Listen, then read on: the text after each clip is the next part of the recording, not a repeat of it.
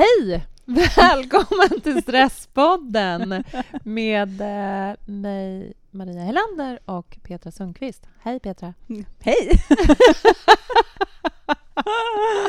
här sitter vi i den mörka eftermiddagen Mm. och spelar in det här. Mm. Och eh, faktiskt så längtar lite, lite, lite bort kanske till eh, det Mm. icke-regniga och icke-gråa.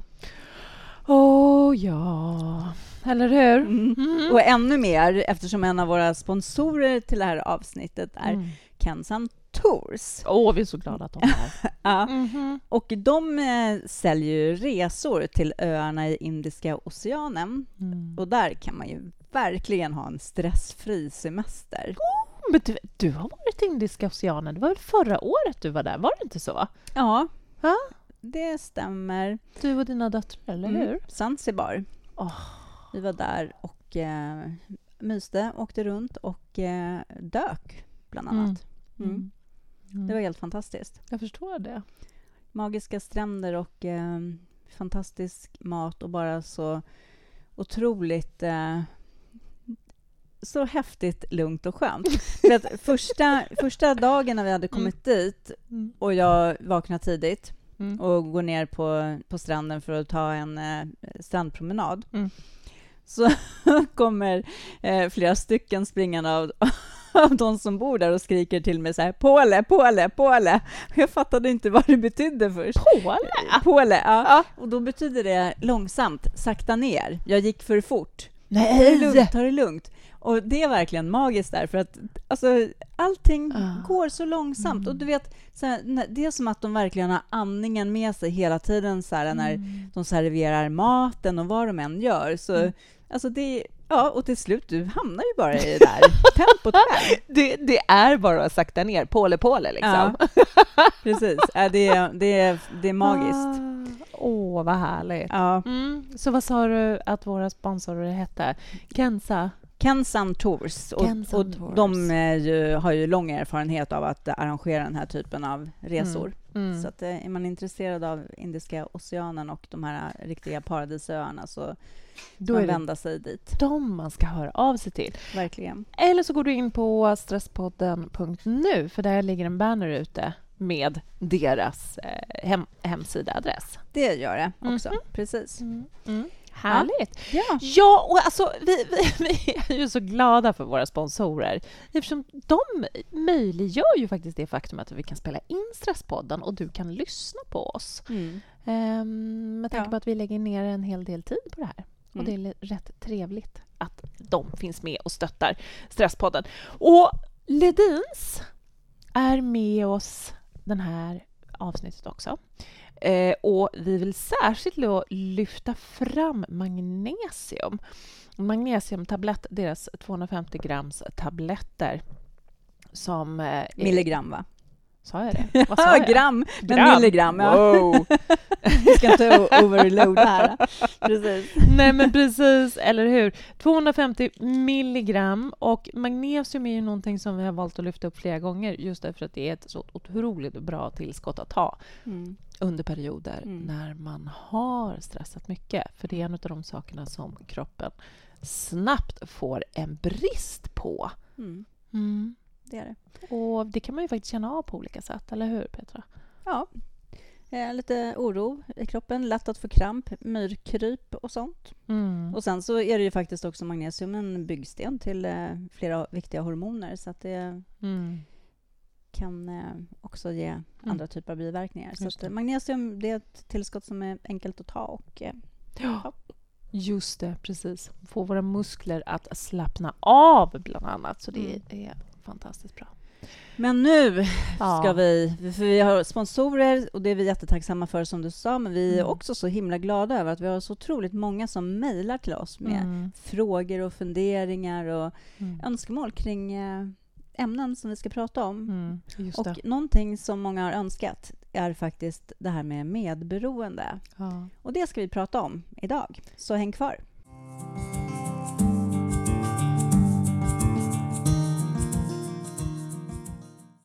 Medberoende, ja.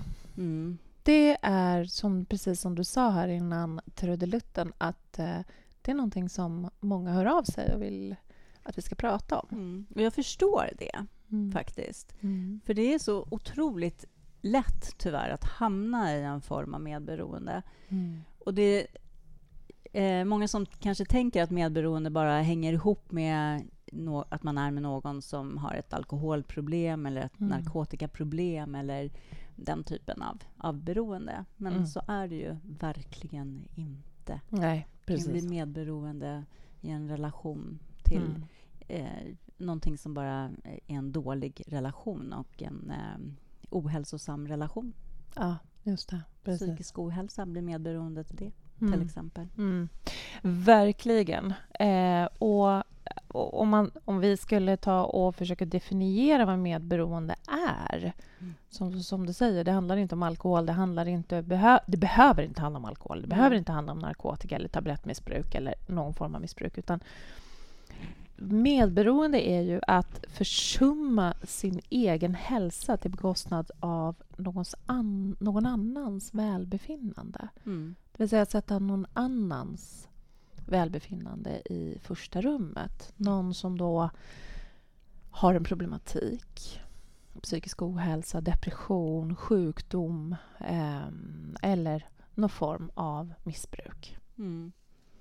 Jag eh, har, förstå, har ju förstått på eh, när jag, så att säga, ba- bara för några år sedan förstod jag ju att jag har ju levt i ett medberoende, att jag är uppvuxen i ett medberoende. Ehm, så därför är det här ämnet väldigt aktuellt för min del. Eh, min mamma var, eller har och är och har varit väldigt, alltså, alltid väldigt, väldigt, väldigt sjuk Mm. ända sedan jag var riktigt liten. Hon har varit sjuk. Hon har haft olika sjukdomar. Och det har alltid varit väldigt, väldigt allvarligt. Hon har suttit i rullstol och hon har hållit på att bli blind och hon har ehm, ja, haft allt du kan tänka dig i olika sjukdomar. Och hjärtproblem. Och, och för mig blev det ju att växa upp med en mamma som alltid var sjuk var ju att alltid behöva ta hänsyn till hennes välbefinnande, till Mm. hennes välmående. Mm. Hur mår mamma nu? Ehm, om jag gör så här så kommer mamma bli trött, mamma blir ledsen, mamma blir arg, mamma blir... ehm, och sådana saker. Mm. Så det präglade ju min uppväxt otroligt mycket. Mm. Och även mig som person. Mm. Att jag är van att sätta en annan människas välbefinnande i första rummet. Och, och det är sen i mina relationer. Att jag har gått vidare i att ha... Jag varit tillsammans med en, en man som var väldigt deprimerad under flera år. Jag var tillsammans med en man som eh, psykiskt misshandlade mig under några år. Mm. Eh, så att, och det är väldigt, väldigt, väldigt lätt att hamna i det här fixing mood. Mm. Se till att någon annan ska må bra. Mm. Jo, eh, absolut, det är det ju. Och det Mm. hänger ju också till viss del ihop med eh, vad vi är uppväxta med och vilka referensramar vi har. Mm. För mig till exempel så har jag ju lätt hamnat i destruktiva relationer som verkligen inte har varit bra. Mm. Eh, verkligen dysfunktionella på olika sätt. Det har varit våld, det har varit eh, eh, svartsjuka kontrollerande, till Mm. exempel. Och eh, jag tror att eh, om man är uppväxt eh, i en eh, kanske i en familj där det finns liksom alkohol och det finns Mm. ett visst mått av våld så blir det också normaliserat. Ja.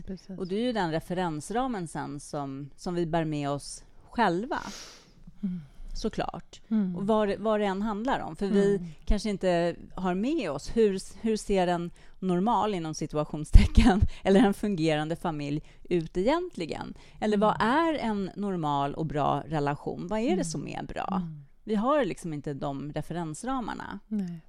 Och dessutom i kvinnors, eh, många kvinnors egenskaper ligger väldigt mycket om det här empati och eh, Mm. omhändertagande. Men nu Ja. menar jag inte att det bara är kvinnor som hamnar i det här. Jag, jag känner personligen män som har hamnat i medberoende situationer och relationer också. Så att Mm.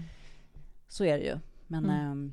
ehm, jag tror att eh, det här, kvinnor är ju generellt mer relationella på något sätt. Ja, Liksom. just det. Precis.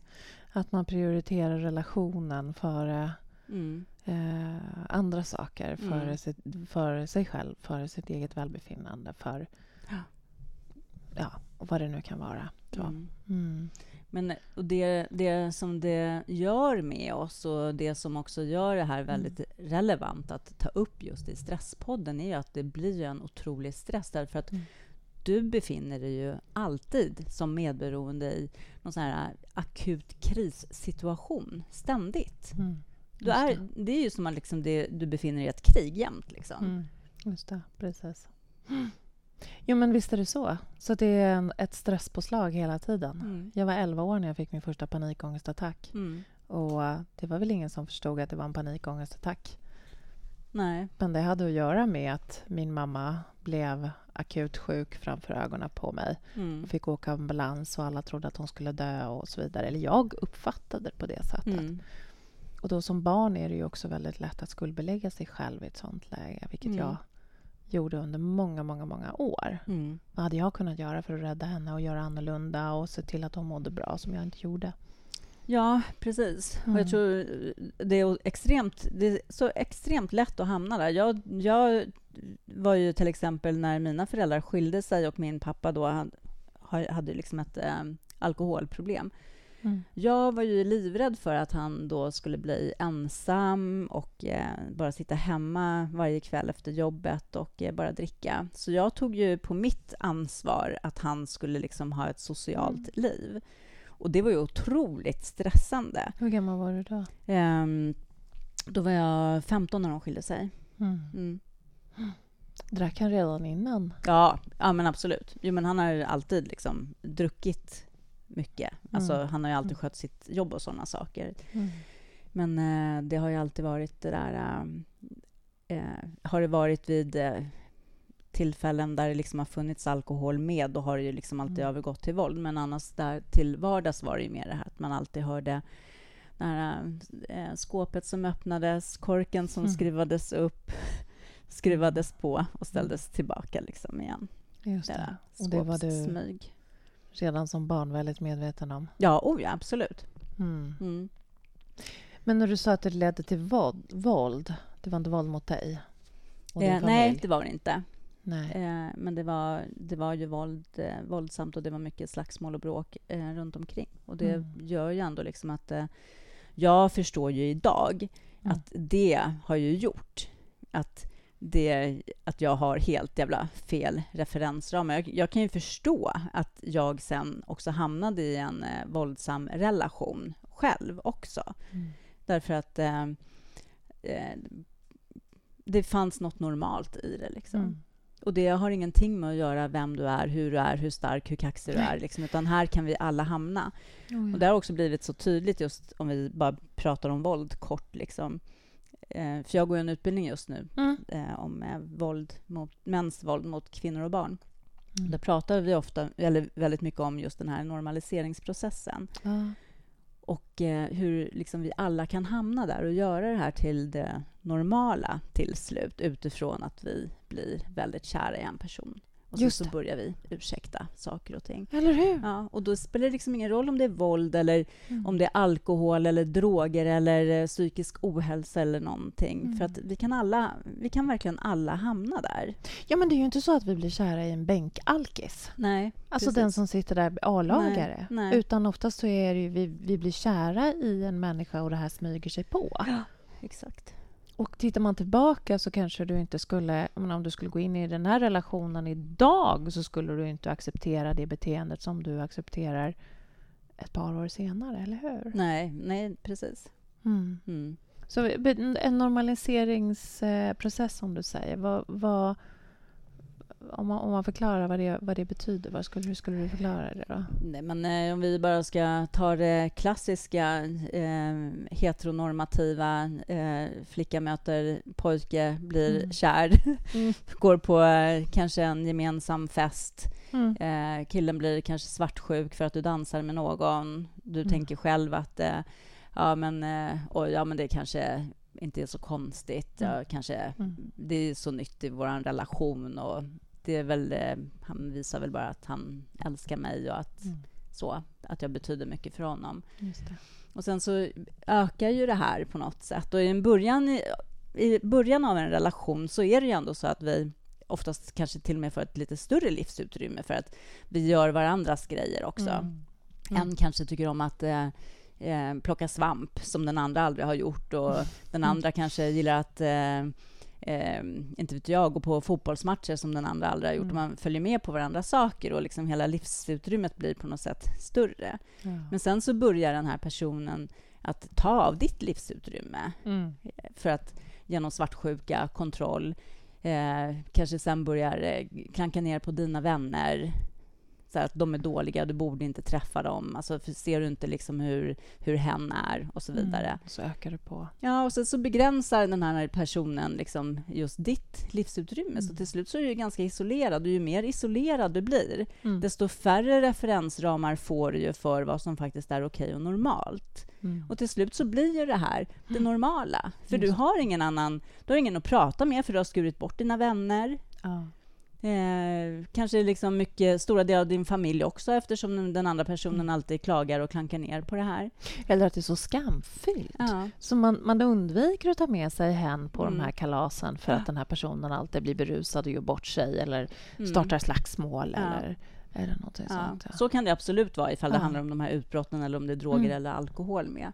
Men det kan ju också bara vara det här äh, väldigt destruktiva relationer med det här sjuka kontrollerandet. Liksom. Just Och då kommer du själv till slut att välja bort att gå. Ja, det är klart. Mm. Och till slut så har du isolerat dig. Den här andra personen har sett till att ni har blivit isolerade. Mm. Och så börjar man med det här Det fixandet, Mm. fixandet och trixandet Mm. och se till att... Ja, men, eh, har man barn med i det hela så är det ju så otroligt lätt att...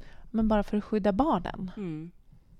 Ja, men vi ser jag, jag ser till att skydda barnen så jag håller mig borta den här helgen. Eller jag tar barnen, eller jag tystar barnen. Eller jag ser till att de mår bra så att de inte... Så att inte pappa eller mamma blir ledsen eller blir sjuk eller blir, Mm. blir sugen på att dricka igen. Mm. Precis. Och just det med barnen tycker jag är så fruktansvärt. För att Mm. Där är ju verkligen, och jag tänker också som det som du upplevde som barn. Och jag menar, när man som barn ställer frågor, vad, vad är det som är fel? Varför eh, är pappa så här? Varför är pappa så här? Eller varför är mamma så här? Mm. Och sen så får man aldrig ett ärligt svar, utan det så här, ska förklaras bort. Fast du som barn har den här magkänslan av att det är fel, men så blir du aldrig bekräftad i det. Nej. Utan det är bara bortrationaliseras hela tiden. Ja. Då växer du upp och liksom har ingen alls tillit kvar till, till eh, din inre känsla av, vad- av vad som är rätt och fel och, och eh, normalt okej eller inte. Nej, För att det, det har du ju bara lärt dig att förhandla bort med dig själv hela tiden. Så jag Ja. tänker att är barn inblandade i någon form av medberoende relation oavsett vad det handlar om, så Mm. gör inte så här mot barnen. Mm. Därför att det kommer vändas mot den medberoende, tänker jag. För att den här som beter sig illa eller dricker eller någonting, den Mm. har ju liksom, ungarna har ju redan räknat bort den personen. Mm. Den som det finns, ska finnas en tillit kvar till, det är ju den här då som står som medberoende. Och det är otroligt viktigt liksom att eh, eh, stötta barnen och vara ärlig i det, tänker jag. Mm. Det är ju det. Det är ju verkligen det. Ehm, Men, mm, men det är också, det är också väldigt, väldigt, väldigt, väldigt svårt. Mm. Jag tänker på så många gånger som i, i det här som har varit eh, det som, som jag växte upp i. Just att, man säger att men, men mamma är ju sjuk. Mm. Mm. Så vi, vi kan inte göra någonting. Vi kan inte bli arga på mamma. Vi kan inte... Du, du får inte störa mamma. Det är inte okej. Och, det, och där levde ju... I det har ju min pappa alltid levt också. Mm. Och det, det blir väl problematiken i det. För då finns det ju ingen som kan skydda barnen. Nej, Därför att alla är så fokuserade på att skydda den personen som har problem. Mm, precis. Den som har sjukdomen eller som har ett beroende eller Ja, någonting. Precis. Precis. Mm. Mm. Ja, för det är ju precis, det- och det är som vi säger, liksom, det blir ju samma fenomen. Det spelar ingen roll om det liksom handlar om en beroendesjukdom eller en Nej. annan liksom, psykisk ohälsa eller vad Nej, den är. Det precis. blir ju samma effekter. Konsekvenserna blir ju de samma. Det blir ju samma medberoendeskap.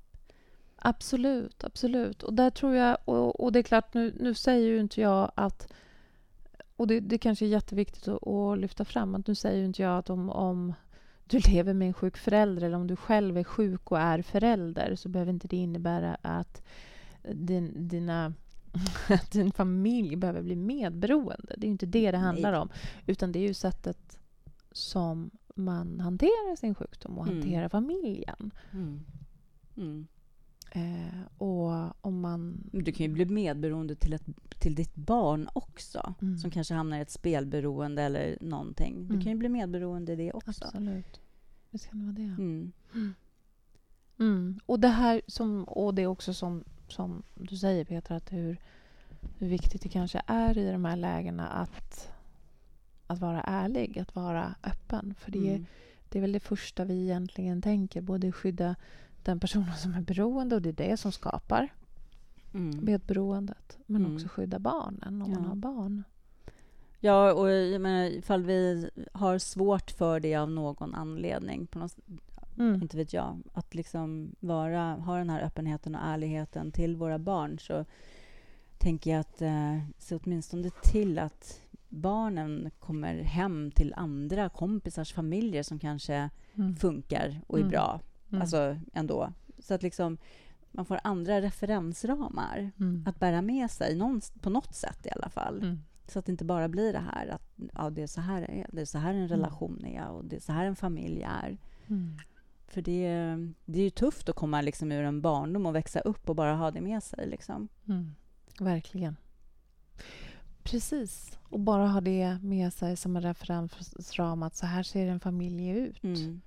Så här ser en... Jag vet inte, jag, jag, jag tänker att man kan ju se... Om man, om man vill se fördelar med att, att växa upp i, i någonting sånt här, i en sån här... Växa upp som medberoende eller som, som barn till en medberoende eller och en beroende är ju...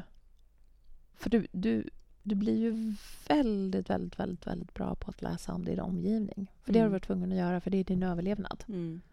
Så du blir otroligt skicklig på att läsa av stämningar. Hur mår mamma och pappa nu? Vad, Mm. händer, i, vad händer i det nu? Eh, och oftast de här personerna är ju vansinnigt lyhörda. Mm. På. Det är en sån där människa som kan gå in i ett rum och känna av en stämning direkt. Mm. Eller att känna att oj, den här personen är nog lite ledsen. Fast Mm. någon annan skulle säga att nej vadå, hon sa ju att hon mådde bra. Mm. Men du har den här, de här fina tentaklerna ute. För det, det har det varit din överlevnad när du Mm. växte upp. Mm. Eh, och och det, är ju, det är ju en fantastisk gåva. Egentligen, om man tänker när man, växer, när man, när man umgås med människor. Mm. Så länge du kan sätta en gräns som vuxen Mm. och känna att jag känner av dig men det innebär inte att jag behöver fixa dig. Jag kan förstå hur du känner, jag är empatisk med det hur du känner men jag behöver inte laga dig. Nej. Och den, där, den gränsen är ju svår sen att dra om man har med sig någonting Mm. sånt här. Den är jättesvår och det kan ju, om man inte får hjälp med det här så kan det ju verkligen vara många, många års kamp med sig själv för att liksom Mm. Komma till en punkt där liksom också så här, det här är den andras ansvar. Vi har alla vårt eget ansvar att fixa våra liv. Liksom. Mm. Mm. För så är det ju. Ja. Och jag menar, i det här att gå in helhjärtat och försöka fixa någon annan så också nedskriver du ju den människans förmåga till att ha ett ansvar för sitt liv också. Och det där är så bra som du säger. Det där har du verkligen lärt mig, Petra. Du är jättebra på det.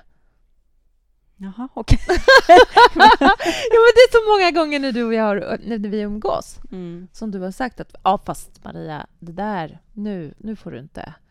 Det där ska du inte ta på dig. Jag har inte bett dig om det här. Eller Nej. någonting sånt. Mm. Mm.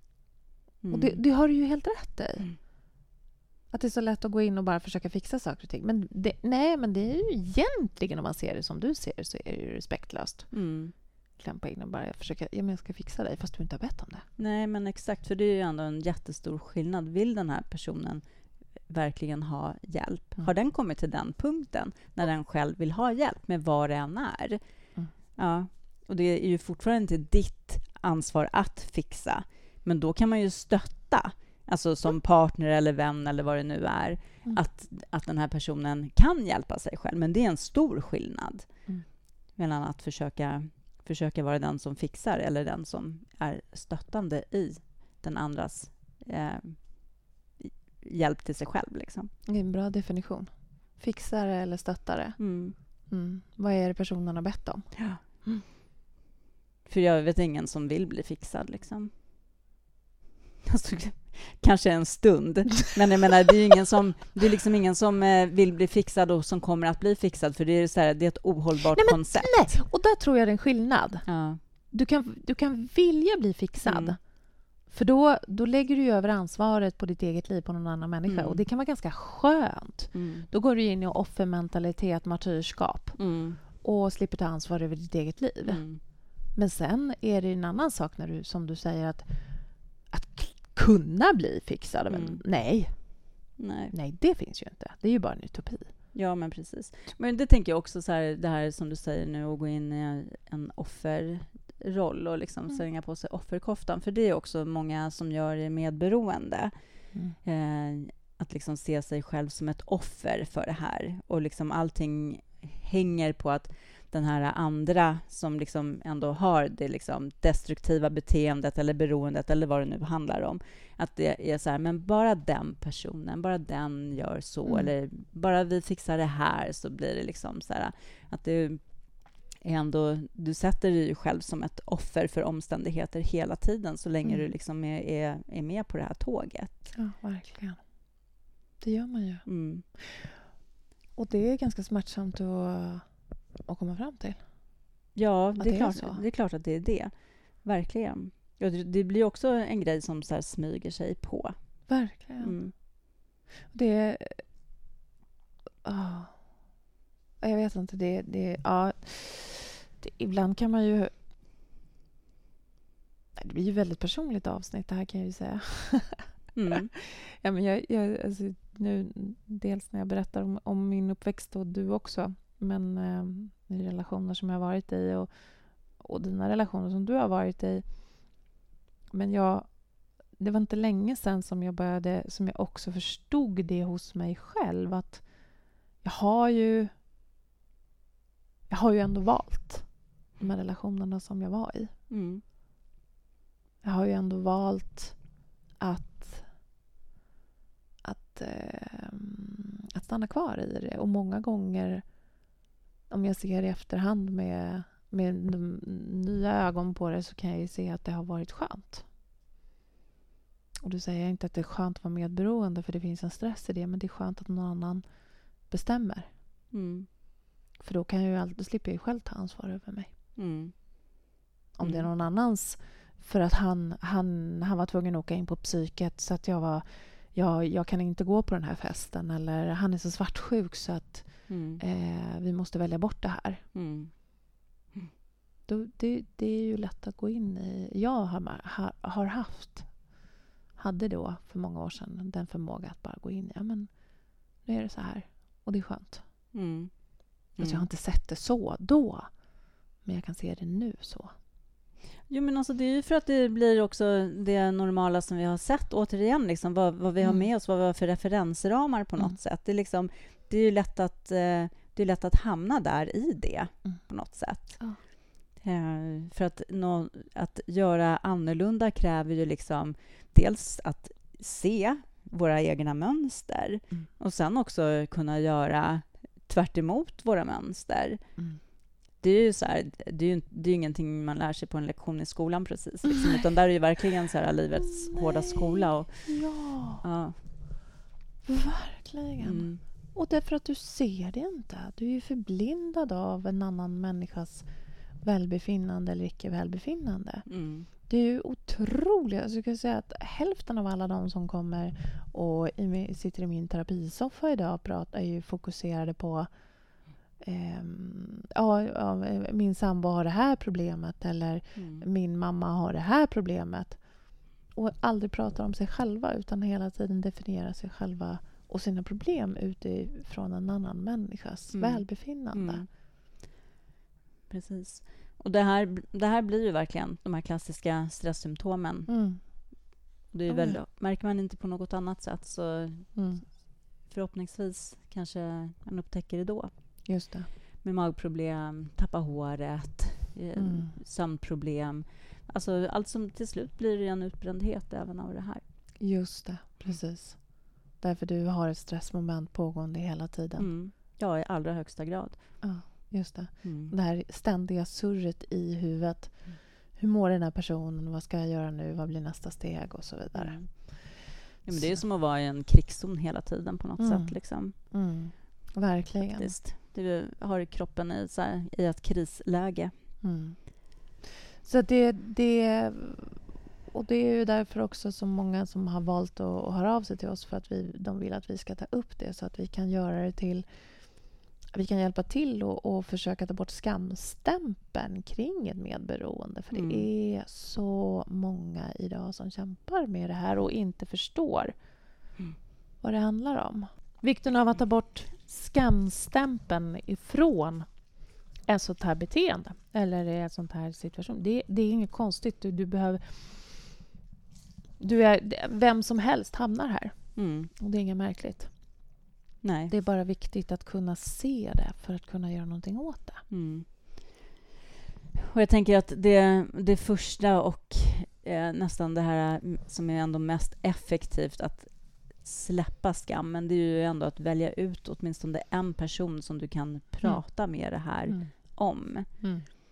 Och en person som inte förstärker det då, utan som faktiskt kan, kan ta det här på ett Mm. bra sätt Mm. och hjälpa dig att eh, få bort, få bort liksom din egen skamkänsla. Mm. Just det. Ut. Prata med det. Prata Ja, om var, var det. ärlig liksom. Just det. Mm. Istället för att mörka, istället för att eh, skydda, Mm. inte prata om det, gömma Mm. och tycka att det är fel på mig. Jag borde göra annorlunda. Jag borde ta hand om det här eller så vidare. Mm. Nej, men, men prata om det. Lyft fram det. Så Mm. ärlighet och öppenhet åt, åt, åt åtminstone en person där är ett tips. Mm, Börja verkligen. Sen tycker jag ett tips som är oerhört viktigt att fundera över därför att en medberoende slutar ju att fråga sig själv vad man tycker är viktigt och vad man vill. Mm. Och det kan bli så så lätt att så att man till och med glömmer bort eller inte vet vad man vill. vill. Nej. För man har slutat att ställa sig den frågan. Mm. Och att Ja. börja med att undersöka vad vill jag? Vad behöver jag?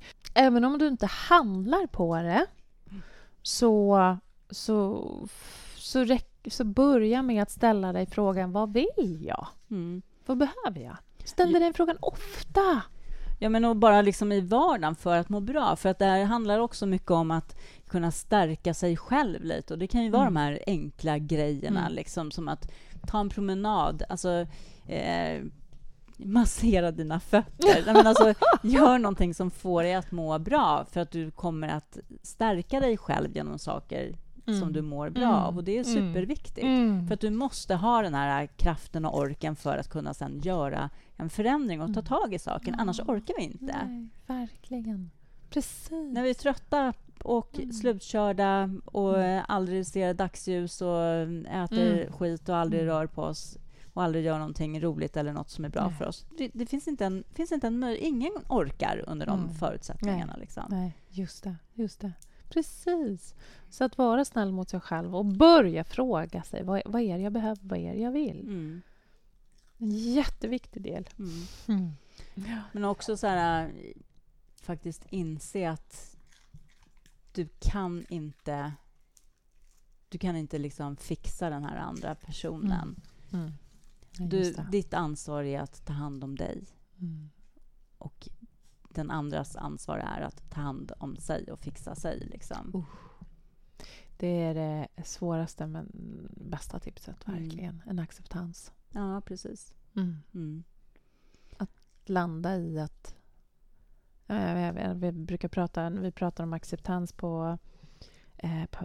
När jag pratar om acceptans på våra utbildningar så brukar jag ju säga det, den här frågan. Att, ja, men om, om du möter en kvinna som, som är misshandlad av sin man ska du säga till henne att, att hon ska acceptera att hon blir misshandlad av sin man? Mm. Och då brukar folk säga nej, men gud, det ska man verkligen inte göra. Mm. Oh, fast det är precis det du ska göra. För att, att acceptera innebär inte att man lägger sig platt. Eller ens att man tycker om situationen. Men att acceptera betyder att jag accepterar att nej, det här beror inte på mig. Det här är vad som händer. Mm. Och det är först då jag kan ta mig, ge mig själv kraft att ta mig ur en situation eller göra någonting Mm. verkligen viktigt för mig och kanske mina barn. Mm. Precis. Mm. Ja, så acceptans Mm. för att eh, ge dig själv möjligheten att förändra och eh, ärlighet och öppenhet för att släppa på skammen som eh, blir en naturlig sak att bära på i de här sammanhangen. Mm. Och sen hitta vad du mår bra av och eh, gör, försök göra saker som du mår bra av så att du får kraften att förändra. Mm. Att sätta dig själv högre på prioriteringslistan. Mm. Verkligen. Ja, ett Mm. tungt avsnitt. Jag Mm. hoppas att ni orkade lyssna igenom hela och att ni får någonting med er också. Mm. Och har ni frågor kring det här så mejla oss. Vi svarar på allt. Kanske inte inom tio minuter, men vi svarar på allt. Mm. Det gör vi. Mm. Gör vi älskar era brev. Ja, Så det gör vi absolut. verkligen. Info Mm. att stresspodden.nu. Precis. Följ oss på Instagram och på Facebook. Stresspodden, googla på det mm. så hittar ni oss både på Instagram och ja. Eh, på Facebook. Exakt. Alright hörni allihopa där ute. Tack för att ni lyssnar på oss. Ni betyder mycket för, för oss allihopa. Mm. Så må bra. Så hörs vi om en vecka. Hej då. Hej då.